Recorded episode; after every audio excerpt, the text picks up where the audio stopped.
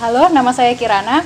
Menurut saya 70 tahun pendidikan arsitektur Indonesia ini masih penuh tantangan yang harus ditanggapi.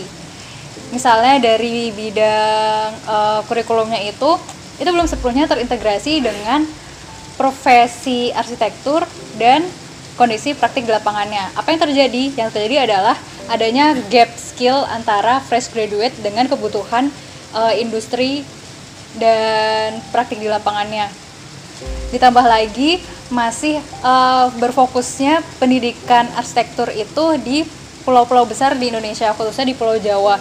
Jadi beberapa universitas yang menyediakan pendidikan arsitektur di pulau-pulau lainnya di luar Jawa itu mereka belum sepenuhnya terintegrasi dengan pendidikan profesi.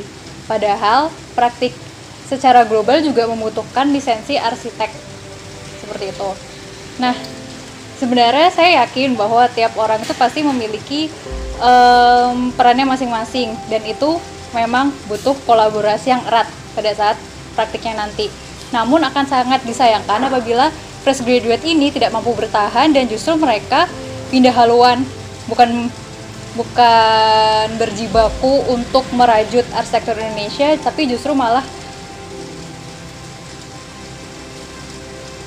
pindah pindah apa ya pindah pindah jurusan lain dan di sisi lain kita itu butuh regenerasi SDM yang berkualitas sesuai proporsi yang kita butuhkan ke depannya.